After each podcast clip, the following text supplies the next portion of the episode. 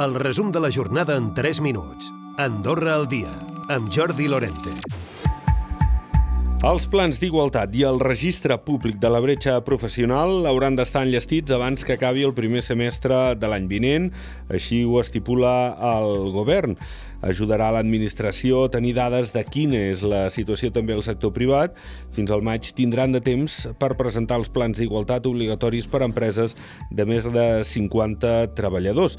Pel que fa al pla d'igualtat de l'administració pública, aquest estarà llest a l'abril. S'hi referia la secretària d'Estat d'Igualtat i Participació Ciutadana, Mariona Cadena. Serà una realitat a l'abril del 2024, que és quan s'acaba el termini previst per la llei, i eh, paral·lelament els cossos especials també tindran el seu propi pla d'igualtat i també s'hi està treballant.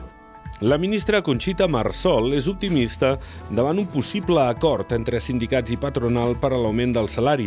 Es fia, per tant, doncs, del diàleg social i espera que l'executiu no hagi d'intervenir. Nosaltres, si hi ha acord, penso que no intervindrem, perquè això crec que no seria coherent. Per tant, si hi ha un acord, tinguent a la taula sindicats i patronals, crec que tothom defensarà els drets de, de cada part i per tant no, no hi haurem d'entrar. Jo esperarem, esperarem quan toqui, confiem encara una mica i si no s'hi arriba doncs prendrem les decisions que s'hagin de prendre en bé de, de l'interès general complicat de tota manera que es pugui arribar a una entesa entre el patró i el treballador. Amb tot, d'altra banda, acord per al conveni col·lectiu de les ambulàncies del SAS, es mantindrà la tretzena paga que serà prorratejada, segons informen des de la Unió Sindical i el Comitè d'Empresa. També s'han aconseguit millores salarials i horàries. Les dues organitzacions s'asseuran ara amb el Ministeri de Salut i la direcció del SAS per poder formalitzar el conveni i tramitar-lo després amb inspecció de treball.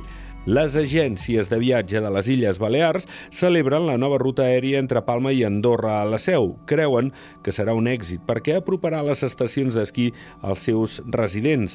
En parla el president de l'agrupació d'agències de viatge de les Balears. És el Pedro Fiol. Moltes vegades ens demanden estacions d'esquí on no hagin de fer llargs desplaçaments per arribar a destinació. Per això eh, jo crec que eh, Air Nostrum eh, ha fet fet un molt bon encert apostant per aquesta ruta.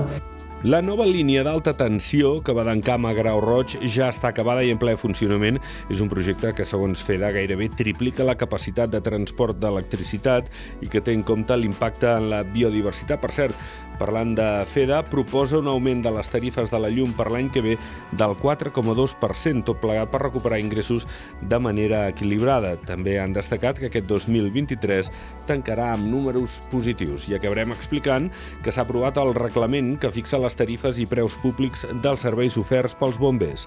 La finalitat és preveure el rescabalament de despeses en operacions de recerca o rescat a causa de la imprudència de la persona que n'és beneficiària. Recupera el resum de la jornada cada dia a AndorraDifusió.d i a les plataformes de podcast.